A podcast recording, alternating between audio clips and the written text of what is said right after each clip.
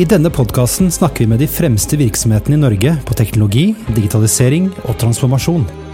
Hva skal til for å lykkes, og hvordan går man frem?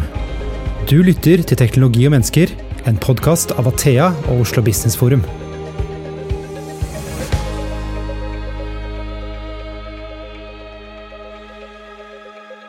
Da er vi tilbake med en ny episode i podkasten Teknologi og mennesker. Mitt navn er Christian Brostad. Et tips, hvis du abonnerer på denne podkasten, så kommer nye episoder rett inn i spilleren din, og det er jo smart. I denne episoden skal vi bli kjent med to selskaper som har suksess på uh, litt hver sin måte. Vi skal snakke om Greentech, innovasjonskraft, eksport, bærekraft, Richard Branson, eh, Rubiks kube og supersmarte roboter. Så her er det bare å henge med de neste 40-45 eh, minuttene. Ukens gjester, er Anette Matre, Chief People Information Officer i Autostore. Og så har vi Henrik Badin, som er CEO. Og nå skal jeg uttale det riktig, Henrik. Wow! Wow! wow, ja. Wow, Det var nesten. Ja, veldig bra. Ja, veldig bra. Godkjent. Bare hakket hvassere ved, liksom. Ja, ja, ja. Det skal å være si litt ved i det. Veldig bra, velkommen i hvert fall. Eh, før vi starter, så eh, kan jeg tenke meg at det er, eh, det er en del der ute av våre lyttere som ikke har hørt om dere. Men vi berøres jo egentlig av det dere leverer på mange måter. Så jeg tenkte vi skulle starte med en liten sånn heispitch, Henrik. Hvem er dere? Jo, vi trenger et litt langt til et litt høyt bygg. Det er ganske mange etasjer hvis jeg skal ta heispitchen. Men vi er et selskap som jobber med å levere teknologi til, til bl.a. cruiseindustrien, verft og rederier. Gjort det i mange år, er markedsleder i dag. Eh, Så hvis du ser en cruisebåt, så er det ganske høy sannsynlighet det er vår teknologi om bord, som da hjelper de å minimalisere utslipp over bord. Og det ga oss ambisjoner også om å gå i andre, andre markeder. Eh, Så i dag så gjør vi like mye på land som vi gjør til sjøs. Eh, Et eksempel på hva vi gjør og hvem vi, gjør, hvem vi jobber med, er jo f.eks. I dag, I disse dager så leverer vi teknologi til Sveits, til eh, Philip Morris International, eh, hvor de kan ta avfall ved deres bedrift og produsere en klimanøytral gass, og slik sett møte deres eh, mål om å bli net zero. Vi jobber i England med Englands største bildekkgjenvinner for å produsere carbon black til produksjon av nye dekk, resirkulering. Og vi jobber eh, i, I Norge i dag så jobber vi faktisk mot eh, metallurgisk industri. Hjelper et selskap som vi spanta som heter Wow Green Metals, for å hjelpe metallurgisk industri å bli grønne. Det å ta f.eks. rivningsvirke og produsere biokarbon som erstatter fossilt. Så vi jobber eh, langs mange industrivertikaler eh, med å hjelpe kundene våre å bli fossilfrie. Kommer tilbake til masse av det du nevnte, så det er spennende. Eh, Anette? Ja, eh, jeg kommer jo da fra Autostore. Vi, leverte, vi leverer automatiserte og robotiserte lagerløsninger eh, verden over. Eh, Starta i 1996 med en idé eh, om å fjerne luft fra lagring, fordi det var masse hyller men, og masse luft, så det var veldig ueffektivt. Eh, så vi har roboter som på en måte eh, trår og tråler over en, et sett med, med kasser, som eh, da man lagrer tingene sine i. Eh, Vi har kunder som eh, Boost, eh, der sikkert mange har en eller annen type relasjon til og har kjøpt noen ting. Der oppbevarer de alt fra skoesker til klær osv. som de plukker og sender hjem til forbrukere der hjemme. Et annet eksempel er FBI, som, som lager mye av dokumentene sine der. For det er en veldig effektiv og trygg måte å lagre, lagre det. Og vi har levert til flere, flere typer Lufthansa, DHL osv. Ja, det er imponerende kundeliste. Ja, Kanskje, kanskje USA trenger det? Jeg hører at Biden og, og Trump driver og lagrer sånne dokumenter hjemme. Hjemme. Ja, jeg eh, tenker, tenkte på det. Det er faktisk sånn at de burde hatt sin Det er egen bra autostore sales hjemme. pitch i USA, ikke sant? Yes, absolutt. Graded document solution for, uh, for ex-presidents. Ja, men det er bra. Eh, Du Henrik, du, du har jo en fortid, leste jeg, og uh, drevet med renseanlegg Ja. i mange kommuner. Jeg tror jeg jeg, jeg, jeg telte ikke, men det var en journalist som hadde telt. 15 renseanlegg har du hatt henda på. Ja, jeg har Eller- jobbet med, har jobbet med mye dritt gjennom tidene, for å si det sånn. Eh, nei, men det var, der, det var der det begynte. Eh, etter at jeg var utdannet eh, i Trondheim, eh, sivilingeniør innenfor eh, kloakk. Hørtes ikke så spennende ut den gangen, men det ble jo mange muligheter etterpå. Så, så, så fikk jeg et spørsmål eh, på slutten av 90-tallet om jeg kunne utvikle et system for uh, maritim virksomhet, for cruise, eh, for et selskap som het Scanship. Og det endte med at jeg begynte å jobbe i det selskapet for for 23 år siden, og det er det som heter i dag Wow. Da. Mm. Så det har vært en veldig spennende reise, helt klart. Eh, og wow-teknologien, du har snakket om på cruiseskip, altså det er masse avfall. Og det er dessverre sånn, eh, selv om dette eh, er jo litt eh, varierende, avhengig av hva du leser, at det er en ganske skitten eh, næring. Eh, hvor vanskelig har det vært for dere å liksom komme inn i den næringen og bidra til en renere skipsfart? For det er jo masse problemer som dere har vært med på å løse, ja. da. Ja, det er det. Altså, det er klart at, at, den delen vi har fokusert på, er hotelldriften til sjøs. Mm. Alle disse menneskene som har om bord i båtene, eh, som genererer masse søppel og masse avløpsvann. Eh, så vi, vi, vi, klarte da å utvikle teknologier som gjør det effektivt. Som gjør at de, at de kan kontinuerlig rense og at de da hindrer utslipp over bord. Og så har selvfølgelig dette vært backet av internasjonale regler, men det som har vært litt morsomt på denne reisen, er at vi har faktisk vært med og satt standarder. Så når man innførte nye krav i Østersjøen, så viste man til oss. Vi jobbet sammen med norske, finske og svenske sjøfartsmyndigheter, med IMO Mar i London. Og cruiseindustrien eh, fikk regler da, basert på at vi faktisk kunne demonstrere at sånn type teknologi fungerer. Så det har vært en, eh, har vært en, en fin utvikling i cruiseindustrien. Og cruiseindustrien er jo under scrutiny. Mm. hvor enn de er, så, så, vil noen stille spørsmålstegn om det er en, en bærekraftig måte å reise på. Eh, men vi har jo vi har jo flyindustri, og vi har jo cruisebåter, og vi, har, vi mennesker ønsker å reise, så vi må jo på en måte vi må jo jobbe med de løsningene vi har for å gjøre de mer eh, bærekraftige over tid. Da. Mm. Nevnte innledningen, Rubiks kube. Det var en sånn fascinerende historie. Du fortalte litt eh, innledningsvis at det er mye luft, dere fjerner mm. luft. Men hva, hva, i alle dager Rubiks kube med autostål å gjøre? Ja, eh, godt catcha. Altså, eh, han som var eh, oppfinneren i sin tid, Ingvar Hognaland, han eh, så for seg en, en, en, løsning der du liksom går vekk fra de etablerte lagerhyllene. Mm. Eh, og, og han, hans ideal var denne Rubiks kuben som på en måte har det er ingen luft mellom, og du liksom eh, klarer å, å flytte kalde farger og sortere og ha orden, bare innenfor, kall det den kuben. Altså, vi refererer ofte, ofte til et autosårsystem som selve kuben. Så det er liksom vår kjerne, da. Mm. Så har du disse robotene som liksom eh, kjører rundt på toppen og henter ut det de skal ha. Så det, det var inspirasjonen i sin tid, liksom tilbake i 96-97, når de første prototypene kom, eh, for, eh, for, det. Og så har vi jo brukt eh, 10-15 år på å liksom bare optimalisere løsningen før det ble liksom kommersielt klart, liksom. Så vi har brukt eh, god og lang tid på det. Og så har vi siden det tatt eh, kommersialisering og mer skaleringsfasen. Mm. Hvis du går inn i en sånn eh, lager, da, hvor det er teknologien deres og disse kassene. Hvordan eh, oppleves det? liksom, Går robotene, kassene fyker inn i dette rommet? Eller hvordan, eh, hvis du skal beskrive hvordan det er å stå og se på dette? Ja, det er et godt, godt spørsmål. Et uh, ganske nært eksempel er XXL på Alnabru. Mm. Der, der, har de hovedlageret sitt. De har vært en, en autostore over lang tid, og på en måte, de har fått muligheten til å gjøre lageret og autostore-biten større fra år til år, etter hvert som de har, også har vokst. Og der ser du på en måte De har en sånn mestanin som en står på, så da ser du ut over på en måte et hav av autostore-roboter som kjører rundt og plukker opp i kasser og sender det ned til en sånn uttaksport. da der, du, der du, de har ansatte som står og henter ut uh, skovesker, badetøy når det er sesong, eller sånt. Uh, vintertøy når det er sikkert mer aktuelt uh, per i dag. Det, og ingen krasjer? Ingen av disse boksene krasjer?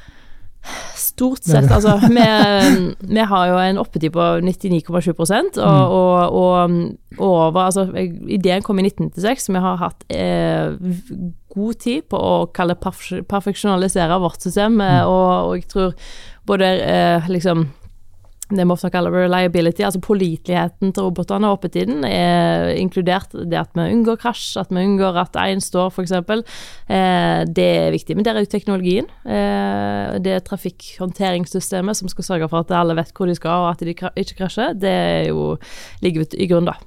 Mm. Mm. Har du vært på et sånt lager, Henrik? Nei, men jeg kan forestille meg det. Eh, og jeg ser vi, vi vi bestiller jo mer og mer på nett osv. Så, videre, så Amazon og de selskapene jeg, jeg, vil tro at de har behov for store lagre og bra logistikk.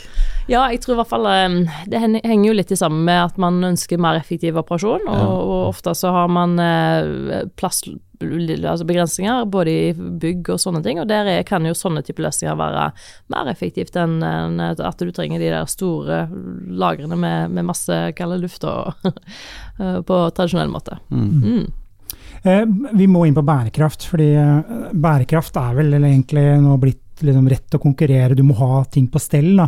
Eh, og det er ganske åpenbart hva dere bidrar til, Henrik. Mm. Men hvordan jobber dere med bærekraft i selskapet?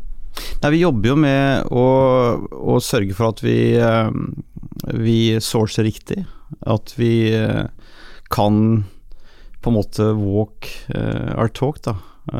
Så vi vi må se på livsløpsanalyse på teknologien vår. Eh, at vi virkelig også kan dokumentere at eh, det er, har lav karbon footprint å produsere. Mm. Også selvfølgelig at det over tid også har den effekten for kundene. Så mm, det er et stort fokus. Vi slipper ikke liksom unna med at mm. ok, vi er et grønt selskap, så der, vi, vi, trenger ikke det. Så vi har egne folk som jobber med det. Så jeg har, eh, jeg har ei som er ansvarlig for, for bærekraftig selskapet i et grønt selskap selskap som leverer bærekraftsteknologi. det blir ikke mer bærekraft inne. det er vanskelig å toppe det, skjønner jeg. Ja. Ja. står da, er det eh, jeg, jeg, kan jo innbille meg at i hvert fall disse robotene kan gå i en mørk hall, yes. da, eh, så ja. du kan ikke ha, trenger ikke ha på lys. Men hvordan er det, dette hos dere? Ja, absolutt. Altså, eh, det som vi ser, er, tydelige trender fra bl.a. EU i forhold til å, implementere og komme med liksom både strengere, strengere reguleringer og sånt. Altså, jeg tror alle på sett og vis blir påvirka og må innrette seg etter det. Eh, og så har vi jo fordelen, kanskje begge to, at man har også produkter som er, hjelper til og er en del av løsningen mm. for, for, det som allerede er der. Du i skipsfarten og på, i større grad også på land. Mm. Eh, og for vår del i forhold til Altså, folk har behov behov for å lagre ting. Så vi ønsker jo å posisjonere oss og, og være en del av løsningen. Sant? For til syvende og sist så skal vi alle ha Vi har et klimaregnskap, og vi har eh, masse rapporteringer vi skal gjøre, og, og ønsker å være i, i, i, tråd med Parisavtalen, som ofte er, er på en måte kaller målet, i hvert fall langsiktig for de fleste. Og der eh, tror jeg begge vi eh, er godt posisjonert til å hjelpe våre kunder med det. altså. Det er fantastisk uh, å jobbe, jobbe, med dette. Uh, og hjelpe kunder i den retningen. Eh, og du ser eh, i dag så er det jo et, et stort energibehov. Eh, så kan man jo jobbe med å redusere energibehovet, selvfølgelig. Men så er man nødt til å, nødt til å finne løsninger som faser ut fossil energi. Man må ha klimanøytrale løsninger. Det kan man gjøre ved å produsere energi fra avfall og biomasse. Og så må vi selvsagt også ta karbon ut av syklusen. Så, og det, her er det store oppgaver. Og det som er morsomt å se i dag, er jo at industrien gjør dette her. Og vi leverer Vi, vi er jo et selskap som, som, leverer sterk vekst, og vi er profitable, og vi har en, en veldig stor ordrebok. Og det er, vi er liksom ikke et uh, I dag så kan man faktisk uh, utvikle og bygge selskaper, skape mye verdier, uh, allerede nå. det er ikke noe Bærekraft det er ikke noe vi skal liksom jobbe med i fremtiden, det jobber vi med i dag. Mm.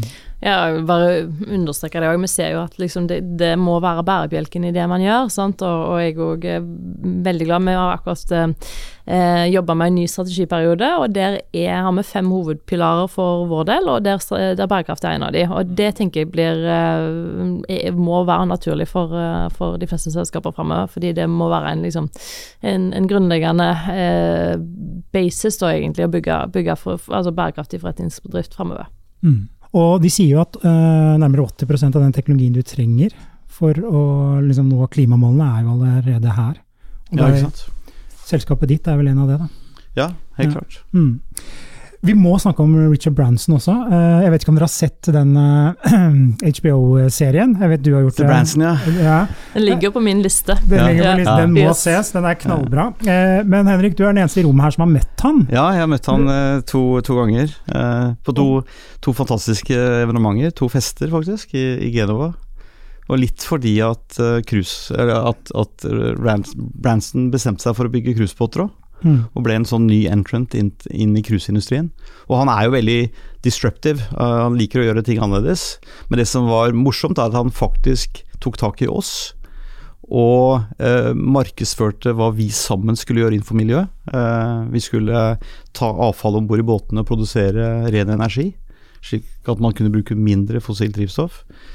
Og eh, vi, hadde, vi deltok eh, i, eh, i, Genova både på det som kalles sånn keel-laying, altså når man legger denne, denne coinen, denne mynten, når man strekker kjølen, med et, eh, med et, et kjempe, kjempemorsomt arrangement hvor, hvor, vi som har jobbet i cruiseindustrien i, eh, i, nesten 30 år, eh, normalt sett er en leverandør og må liksom oppføre oss ordentlig og, og og verftet er, sitter eh, i, in charge, plutselig da er igjen sammen med Richard Branson, og, og verftet lurer på hvorfor, hvorfor, man fremmer uh, wow så mye i en sånn setting. Da. Men det var uh, vi, vi, ble helt klart jobbet sammen med Richard for å, for å fortelle industrien og, og at, at, man kan gjøre noe mer innenfor miljøet. Så mm. det, de, de, kom jo til Norge med et filmteam, og vi reiste på Vestlandet og så på norske fjorder. og Det var kjempemorsomt. Mm. Så, så, det er en eh, Man blir jo veldig inspirert av, av det, helt klart. Så han var en, eh, han var en eh, fantastisk fyr. Når du møter han, så er han jo veldig humble. Nesten, nesten litt sånn, trodde det er, litt introvert. Mens med en gang han har et kamera foran seg, så er han jo Han er en Da er det maskineriet Richard Branson, altså. Mm. Fantastisk hva han har klarer å skape. Og han fremheves jo som Han har jo suksess, åpenbart. Uh, han er litt varm og gal. Ja, det, uh, på samme tid, liksom. Han er jo en, han er jo en unstoppable. Mm. Han er jo en entreprenør. Han har forsøkt å, å sette flere verdensrekorder. og han har sitt, han har sitt Virgin Galaxy, han har sitt SpaceX-prosjekt som, som, Tesla også har. Mm. Og han strekker jo grensene hele tiden. Eh, men det som er, det som er bra med han, er at han er, han er veldig flink til å fokusere på meaningfulness. Han er veldig flink til å, å fokusere på dette med belonging, det å skape tilhørighet. Og så er han flink på å sette retningen. Mm. Så for mennesker i dag, eh, for deg og meg og alle, så handler det veldig mye om det. At det er mening i arbeidet vårt. At vi tilhører noe og ønsker å skape noe sammen. Og der har han vært utrolig flink. Altså, så jeg må si at han er en, av, en, en stor mentor i, i, min, i mitt liv. Mm.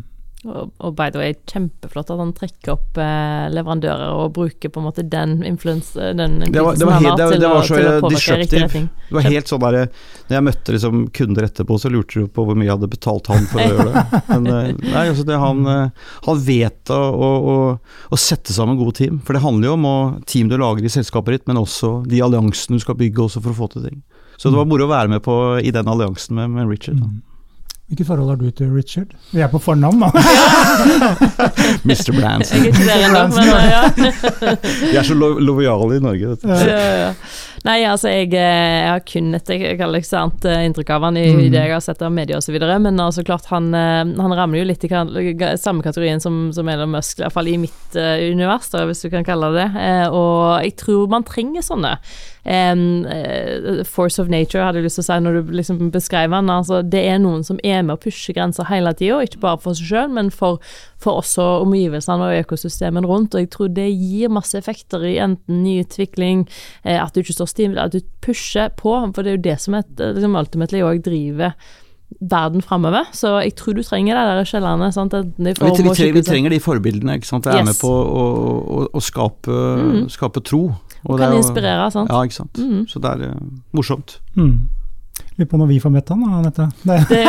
kan ikke du ta med oss neste gang? Han er jo faktisk Han er jo faktisk, han kommer til Norge nå i september, ja. Oslo Business Forum. Så da har du en glimrende mulighet til å, exactly. å møte han. Mm. Vi har bestilt billett, så det, får se han der i hvert fall. Om vi ikke har en samtale med han eh, ja. nødvendigvis, så, så, er det, det tenker jeg blir inspirerende ja, å høre på. og vi jobber jo videre med det. Vi eh, har jo levert teknologi til tre av skipene hans, uh, som er bygget i Italia, og han skal bygge flere båter, så det er morsomt framover. Mm. Neste du kan gjøre, er jo å få han til å bygge, til å bygge båten sin i Norge. Ja. Men det er faktisk Det er bygget noen cruisebåter i Norge òg. Ja. Eh, ikke mange, men av 400 cruisebåter der ute, så er det jo bygget en eh, Hva kan det være? Seks-syv cruisebåter i Norge. Ja, noe sånt. eh, du var så vidt inne på det, Anette, men eh, for sånne mennesker som, som Richard Branson da, eh, bidrar jo til å inspirere og drive utvikling, egentlig. Eh, men hvordan eh, jobber dere med innovasjon og teknologiutvikling i Autostore? Det, jeg vet dere har en sånn innovasjonshub på Karmøy. Det stemmer. Hva foregår der? Ja, um, uh, først og fremst jeg, Altså, um, innovasjon kommer jo litt av type mennesker og teknologi, det spennet der, og det syns altså, jo jeg personlig er kjempespennende, og vi jobber jo med å liksom sørge for at vi har både kultur for innovasjon. Sant? Alt fra liksom at det er lov å komme med nye ideer, vi liksom insentiverer folk til det, og, og mulig, eller eh, evnen til å kunne liksom sortere veldig fort. Sant? Hva er det nå i, hva bør vi jobbe videre med, osv. For det er klart, eh, vi kom, har jo på en måte et opphav i en mann som var òg et um, Hadde en sånn type um, Petter Smart-aura uh, over seg, som òg var veldig degenererende og, og, uh, og, multidisiplinær og i det hele tatt. Så liksom den arven og kulturen ligger veldig sterkt hos oss. Så jeg, jeg tenker sånn miljømessig så tror jeg vi har en god base å bygge videre på, men det skal jo vedlikeholdes hele veien. Og så tror jeg du må ha fasiliteter, liksom tilrettelegge for det. Og vi har eh, Vi prøver jo, ikke med Richard Branson eh, ennå, så prøver vi å utfordre vår egen teknologi og grensene for det, som er på Innovation Hub på Karmøy. Så har vi et testsenter der vi mm, har muligheten til å teste for eh, bl.a. jordskjelv, altså simulere jordskjelv, ulike typer ytre påvirkninger på systemet, som gjør at liksom, OK, hva, hva, hva kapasitet har det, hvor, hva, hvordan kan vi dimensjonere linest mulig mulig, eh, sånn at det blir kostnadseffektivt for kunden, samtidig mm. så det har bærer- og tåleevne som, som, man skal ha. Så det er jo et eksempel på liksom eh, Og vi, og vi eksperimenterer med kjøl og frys og sørger for at dette altså hyttestår kan brukes på Meny. Eh, for å bare være mer effektiv på lagring, eh, og ja, særlig liksom større byer der, der du, kundene er kvalitetsbevisste, ønsker et godt vareutvalg, men der plass er en issue, typ New York sant, og andre steder. Eh, så der har vi jo kjølefryst som et alternativ, der du kan ha Og vi hadde vel et prøveprosjekt der vi inviterte en, en gjeng barnehagebarn som skulle verifisere om isen som vi hadde da lagt til frys, om den var liksom av, av riktig temperatur temperatur da, og kald nok når den kom ut, og det var den. Så det var hyggelig. Så de barna spiste is? De spiste veldig mye is i hverdagetida, yes. Det var veldig gøy. Ja, nydelig. Eh, hos dere, Henrik, så, eh, for dere startet jo til hav, havet, på mm. havet egentlig, ja. og har nå blitt mer landbaserte. Er det sånn at dere eh, tar den teknologien dere brukte til havet og putter på land? altså at dere bare ja, hvordan foregår dette? Både og. Altså det, det at når vi gikk mot land, så hadde vi mye kredibilitet i at vi hadde levert mye systemer på, på, til, til, til sjøs. Mm. Det å jobbe mot uh, verft og, og, og redere, de er veldig kvalitetsbevisste. Så det har gitt oss veldig mye troverdighet når vi går mot, mot landbasert. Men vi har jo innovasjon for oss. Vi har jo alltid jobbet med å utvikle teknologier. Uh, og veldig sånn prosjektrettet utvikling, vil jeg si. Vi, bruker, vi har mye folk som jobber på, på, utvikling i selskapet, men veldig ofte så er det mye, mye utvikling som vi tar i prosjektene også. Mm. Uh, så, så, veien blir litt til uh, mens vi går, og det er jo selvfølgelig utfordrende. Men vi nordmenn vi er jo, vi er, jo, vi er veldig innovative. og jeg tror kanskje at vi, vi, var, fiskere og vi var bønder, så vi måtte lage utstyret vårt sjøl.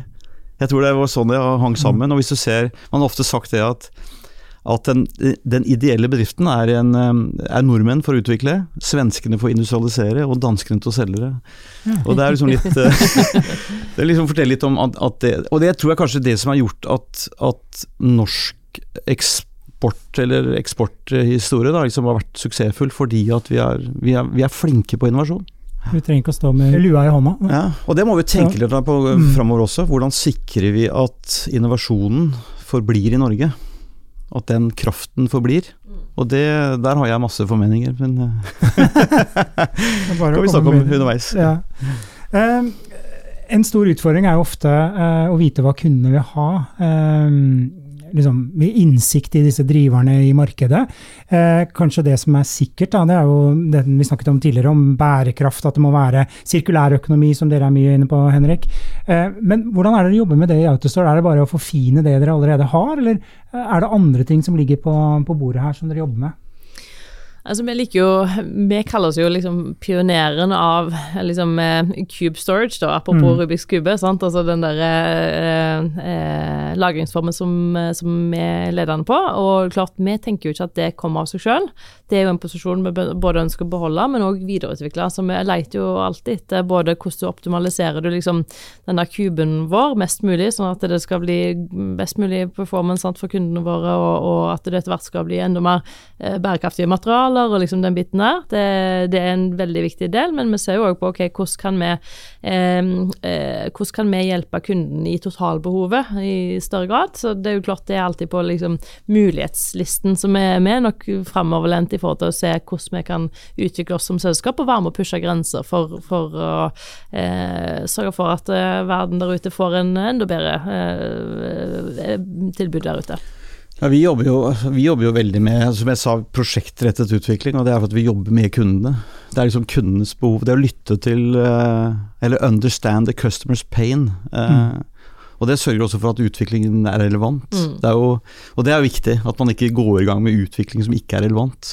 Ja, det er et kjempegodt poeng. Og vi har jo på en måte utvikling som kommer innenfra, sant? som på en måte mm. kommer fordi du har eksperter som vi må jobbe med, og de vet liksom nye veier å utvikle. Ja, men, men du, har jo de, du, har jo alltid de menneskene som på en måte har noen gode ideer, men yes. det er jo alltid viktig å trykkteste de ute. Ja. At liksom her er det faktisk, det her løser faktisk et problem for kunden. Det er akkurat det. Så du må den derre, i hvert fall tre, sånn, sikkert to-tre fasing vinkler i forhold til liksom hva som vil være hvordan du utvikler kaller produktveien ja. uh, videre. Det er kjempeviktig. Så der, vi jobber jo og samarbeider jo tett med både partnere, kunder og sånne ting, og, får jo, og ikke minst vår egen, særlig salgsorganisasjon, som, som, og folk som er der ute, folk på service osv. Det er kjempegode, man eh, måter å ha kontakt med, med, med verden der ute og behovene, og holde oss mm. oppdatert på det. Mm.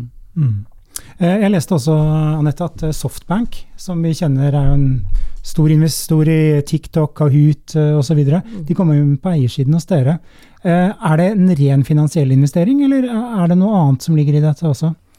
Kompetanse, noe det er altså klart eh, De må nesten eh, svare for eh, sjøl liksom, om det er rent finansielt eller ei, men mm. det klart vi er, jo, vi er jo en del av en rekke kaller robotiserte liksom, eller løsninger som gir, gir verden muligheter og tjenester innenfor det området der. Så det er klart det henger jo sammen med at de er litt sånn tematiserte i forhold til sikkert egne, egne kompetansebehov. Um, og jeg tenker nok det at det er uh, ja, Eh, finansiell investering bør det være uansett, for å si det sånn. men, eh, men eh, det har nok elementer i, i deres kompetanse også, og retning videre. Mm. For det snakket jo du litt om, Henrik, dette med, med samarbeid, nettverk. Altså du må utnytte noe mer enn bare eget fagområde og egen virksomhet. da. Ja, ikke sant. Mm. Vi, har jo, vi, har jo, vært notert på Oslo Børs siden 2014, eh, så klart vi har jo en ganske stor investorbase. Vi har jo ikke disse strategiske investorene, industrielle strategiske investorene, men vi har jo, en, eh, vi har jo mange langsiktige investorer eh, med, og til og med ledelsen er også eiere i, i virksomheten. Men det er klart at det å Vi jobber jo f.eks. med utvikling i, i flere land. Vi jobber i dag med Repsol, som er et stort energiselskap i Spania, som ønsker mm. å finne en god løsning for plast plastavfall. Eh, og vi jobber, eh, vi jobber som sagt i, i England med, med, store aktører innenfor å finne løsninger for, for Life Tires. Så det er jo det er, det er mye altså innovasjon. Bildekk. Ja, på bildekk. Ja. Mm. Det er jo et stort, det er et stort problem. ikke sant? Og det er jo I dag så, så, så skal man jo gjenvinne og, og bruke, altså få ut karbonet som er i gamle bildekk, og få det inn i de nye bildekkene. Og det er det vi gjør. Og samtidig som vi får ut uh, mye petroleumsprodukter, eller vi får ut mye eh, klimanøytrale uh, kjemikalier. Som da blir eller på mange måter resirkulerte kjemikalier, som gjør at man trenger å bruke mindre petroleum, petroleumsprodukter i, i, um, i den type produkter. Da. Mm. Så Bare et kjapt spørsmål i forhold til at dere jobber prosjektbasert. Altså, Er det noen grenser for hvor liksom, så lenge det gjelder en type avfall eller en eller annen måte å gjøre det med, har dere noen grenser for liksom, hva type prosjekter og samarbeid dere går inn på med kunden? eller? Ja, vi, har, altså, vi, har, jo en tendens til å hoppe på de fleste bussene som yeah. står gøy på. vi prøver jo litt, eh, vi har blitt flinkere med årene. Eh, men det er klart at vi, vi står over mange, mange valg. og jeg ser at vi i dag så har vi jo mange forespørsler. liksom Left, right and center fra Fred Dick and Harry, som jeg pleier å si. Så det, for oss handler det veldig om å prøve å kvalifisere de de prospektene. Da. Altså vi jobber i riktig retning. Så vi, etter hvert nå så begynner vi å, å bli flinkere til å og se på de applikasjonene vi kan få til scale-up med. Da. For mm. vi er jo et selskap som har hatt en fantastisk vekst. Eh, vi nesten dobler topplinjen fra, fra 2021 til 2022. Vi ligger Uh, og, og, men det er klart at når vi nå ser på noen av vertikalene våre, f.eks. det å gå inn og hjelpe metallurgisk industri, så er det enorme markeder. Hvor vi må liksom knekke den koden for hvordan vi kan rulle ut teknologi. Og én mm. måte å knekke det på var at vi lagde et eget spin-off, et bill on operating vehicle, da, som det heter på nynorsk. Og, og, og nå f.eks. innenfor Eno Life Tire så jobber vi med liksom en av de verdens største aktører innenfor, innenfor den industrien. Mm. Og da, da, har vi liksom mulighet til å bygge, få ut teknologi å bli relevante. For det er liksom når vi jobber med miljøteknologi og, og, og det grønne skiftet, så må vi, vi må bli relevante. Og det, det betyr at det, det, er ikke lenger en, en desktop exercise. Altså vi må få ut fabrikkene. Og det er spennende å se nå, og mm. sette det speed på det. Ja, og det er liksom alltid den der avveiningen mellom eh, Vi har jo veldig fokus på å standardisere, sånn at liksom det blir en, en effektiv operasjon, men det òg gir gode marginer. Sant? Ja. Og med en gang du er prosjekttunge, så blir det blir det ofte en dragkamp der. Men det er tilbake til, tilbake til innovasjon, for det, det, er mye innovasjon i bunnen her. ikke sant? Og du må, som jeg sa, dette må, det at du må, du må være relevant på, på teknologien. Du må, også, du må, også, være Du må ta risiko. Du må våge. Eh, det er utrolig viktig. Eh, og så må du Og det vil bli problemer. Eh, vi driver med ting som tidvis lukter jævlig vondt. Vi jobber med ting som er veldig brennbart, og vi jobber med ting som kan eksplodere. Eh, så det, det, er jo, det byr på mange problemer, men du må, liksom, du må løpe mot problemene, ikke fra de. Mm. Uh, og, må, og det, det, er viktig når du driver utvikling. Uh, det er en måte du kan, du kan Det heter noe du liksom Fail well, altså not fail bad. Uh, og, og, vi som jobber med innovasjon og prøver å, å, å være first mover innenfor mange markeder her, så, så, så handler det om at du har den dynamikken i selskapet men det siste, kanskje, som kanskje det viktigste, er at du også skaper en, en psykologisk trygghet i selskapet når du driver med utvikling. At folk våger. Fordi at hvis, eh, hvis, ikke, hvis ikke du eh, hvis ikke du tåler opposisjon, hvis ikke du tåler å bli utfordra på de valgene du gjør, eh, og, ikke, så, og, og, og, forhindrer det, så er det ganske farlig med innovasjon. For da er liksom De kritiske røstene må du ofte lytte til noen mm. ganger også. For noen av oss er jo veldig gærne og ønsker å løpe fort, men, eh, men jeg tror vi har klart å skape en, en, en, trygghet, en psykologisk trygghet i selskapet vårt som gjør at vi Og det er sunt for, for den innovasjonsarbeidet som vi holder på med. Og dere Anette, søker jo verdensdominans fra en liten bygd eh, ikke så langt unna Haugesund, timer unna Haugesund. Hvordan er det mulig? Ja, godt spørsmål. Um, vi hadde, var heldige å få, få Kronprinsen på besøk for ja, vel halvannet år siden eller noe sånt, uh, og i, i, regi av Innovasjon Norge, og der jeg jobba før. Um, uh, Håkon Haugli og gjengen der. Um, og det som Han spurte egentlig om akkurat samme. Altså liksom, dere, det, altså, dette er Omsrosen Nedre Vats, og det er liksom uh, Det er jo veldig billedskjønt, altså veldig sånn norsk og fjord, norsk vakkert og sånt, mm. men det er, en, det er en veldig liten plass, det er det.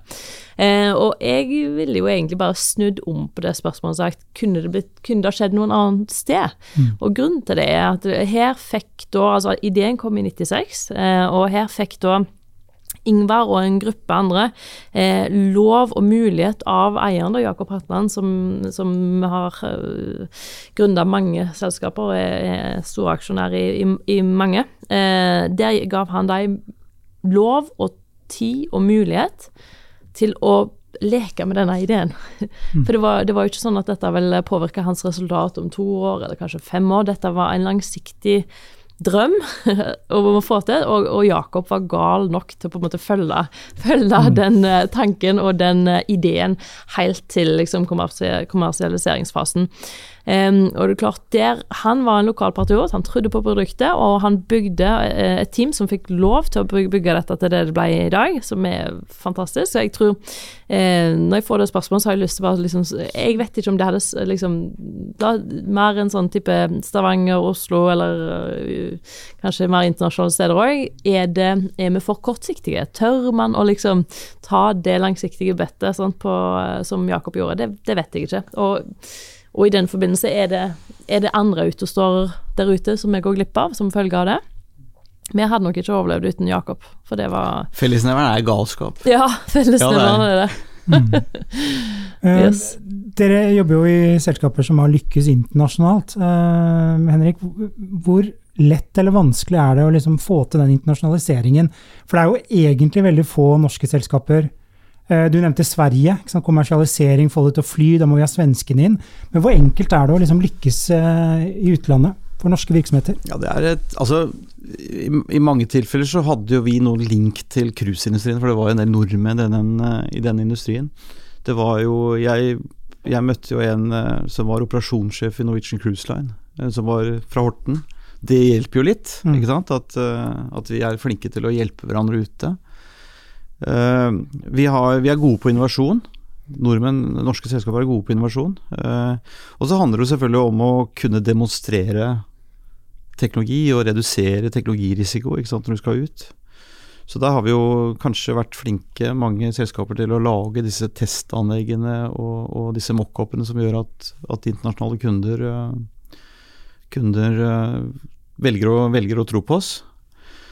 Og så er vi liksom Nei, jeg, jeg tror vi er, vi, er, vi, er, vi er- jo mobile, vi er, vi er ute og flinke. Jeg tror vi er liksom Jeg tror nordmenn stort sett er litt humble. Altså at vi, vi, vi, vi er gode til å møte mennesker på, på andre, andre arenaer.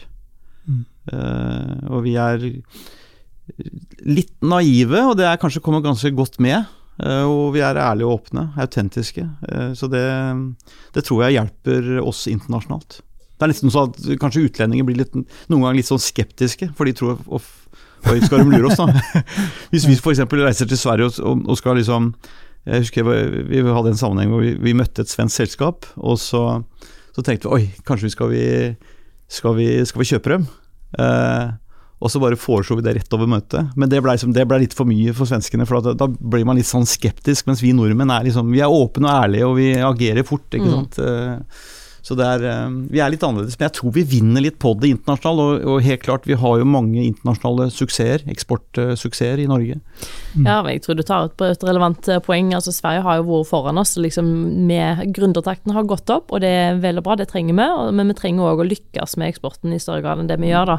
Mm. noe av det som man jobber mye med i Innovasjon Norge, er jo å sørge for at liksom, den internasjonaliseringsfokuset kommer tidlig. sant? Så når du liksom er i oppstartsfasen, så har du det blikket med deg hele tida. Både i forhold til å forstå markedet, men også pos posisjonere både deg, produktene og det du skal i forhold til strategi, på et tidlig tidspunkt, å, å bruke nettverk og det en trenger av Men vi, er- vi, vi, vi hjelper jo, I Norge så hjelper vi jo til med oppstartsinnovasjon på mange måter. Mm. Men vi, vi er kanskje ikke like flinke til å øh, jobbe med oppskalering. Altså det å støtte f.eks. En, Mm. en, en, en mindre fabrikk, slik at man kan demonstrere teknologi internasjonalt.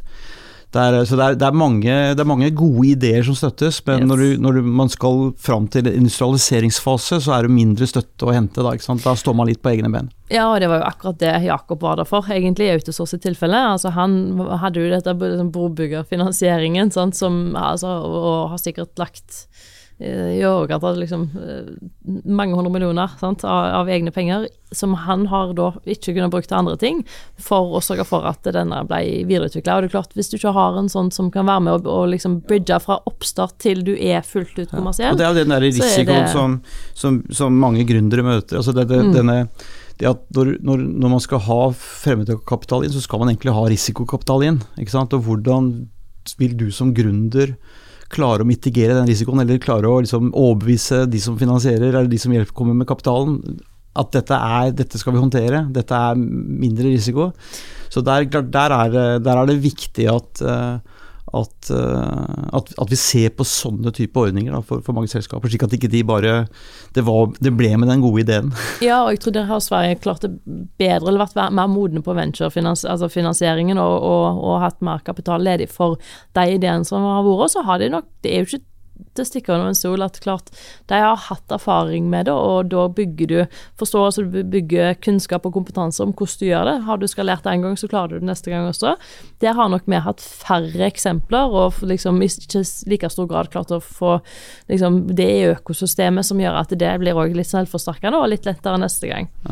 Og det, jeg savner egentlig litt det også i, i f.eks. i næringspolitikken i Norge i dag også. At uh, når man snakker om, om, om skatt, Så det man glemmer litt i perspektivet, at man egentlig eh, Den store bekymringen som jeg ser, er at, at disse selskapene eh, At det, det, går for mye penger ut av selskapene eh, for å håndtere en skatteregning, som egentlig burde vært den risikokapitalen som man må ha i selskapet for å drive inflasjon og innovasjon og, og utvikle selskapene. Og, og det, er, det, det, mangler litt i, der, i det der ordskiftet der.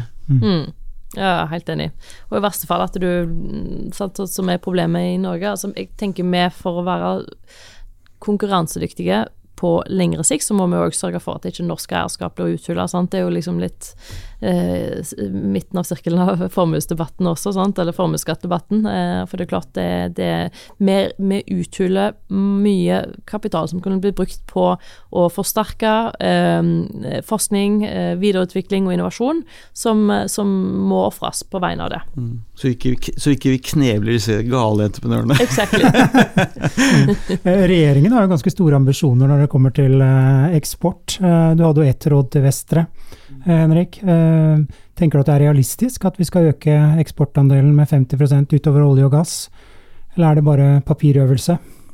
Nei, jeg tror, jeg tror, det er mange norske bedrifter som, som, har livets rett ute. Altså Markedene er for små i Norge. Mm. Sånn hvorfor, er, hvorfor er sveitsisk teknologi og sveitsisk teknologiselskaper så store internasjonale? Jo, fordi markedet var så lite hjemme, så de var hele tiden eh, fokusert på eksport. Så jeg tror at, at eh, Jeg har stor tro på norsk eksport, men vi må, vi må ha Altså Politikere må forstå at de må uh, at, at, selskapene må få lov til å, å uh, altså, du, kan, du, kan, ikke kneble dem for mye med for mye skatt. Mm. Og, og, selv om man sier at dette er, jo, dette er, jo, skatt på eierskap og ikke skatt på bedriftene, så kommer pengene fra ett sted, og det kommer fra de pengene som skapes i bedriftene. Så, så det er Anbefalingen til politikere er å legge liksom denne denne, denne dette ordskiftet knyttet til, til uh, fellesskap, rikdom, og, og, og, heller tenke på hva er godt for Hva, hva trenger næringslivet? Hvordan, hvordan, må bedriftene våre se ut for å lykkes internasjonalt med internasjonal eksport? Og vi kan ikke, vi kan ikke, vi kan ikke gjøre det til, til, til uh, uh, for, for, mye politikk inn i det. liksom la, det, er ikke, det er jo ikke den norske stat som skal drive med eksport av teknologi. Er, vi, vi, trenger entreprenørskap, vi trenger norske bedrifter som skal gjøre det.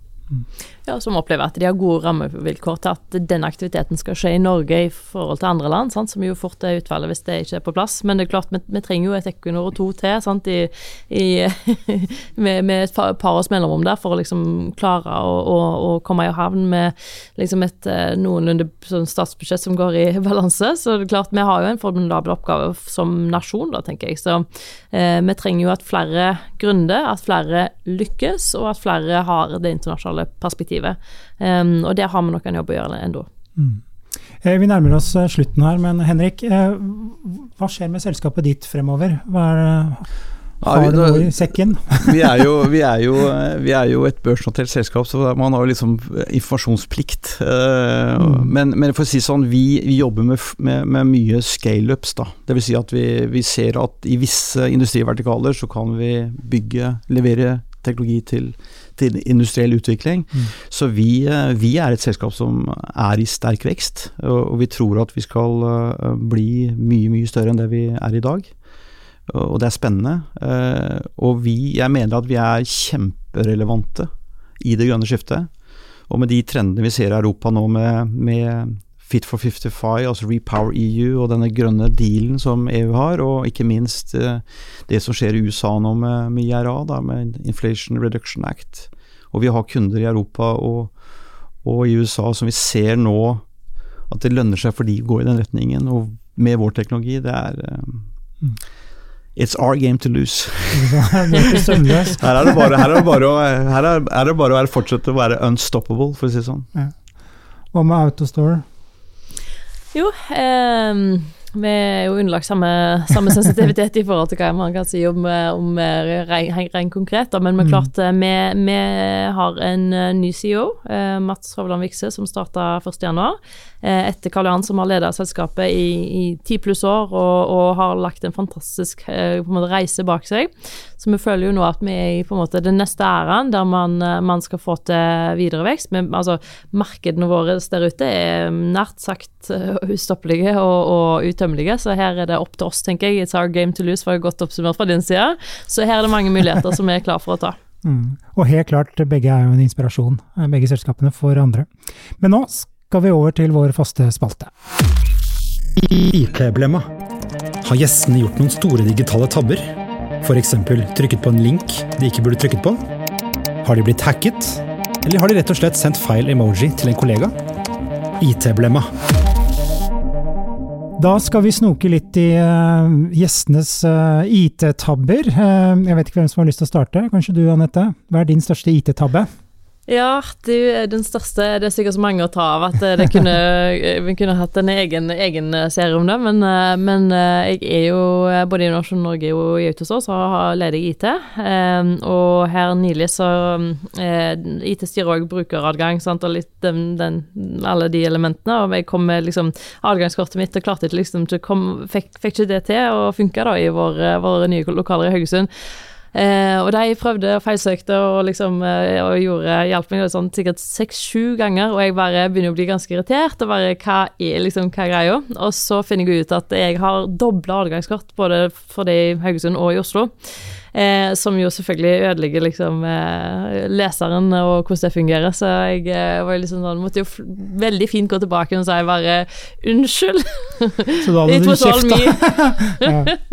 så, eh, så, det var jo eh, litt sånn uheldig i forhold til at det var, var kaller mine folk, da. Så det var, jeg måtte bare legge meg helt flat. Bare, ja, nei, det var Dette var sånn mye.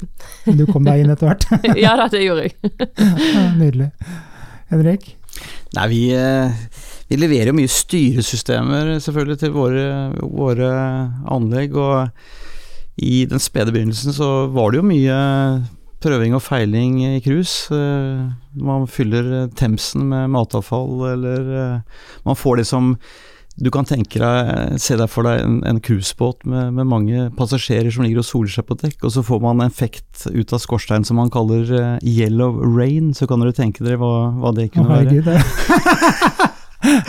Så man har, hatt, man har, hatt, mye spennende. Hvis vi skulle på en måte skrive en bok eh, om alle våre, alle våre problemer gjennom tidene, så tror jeg den hadde vært både større enn Koranen og Bibelen til sammen. Altså.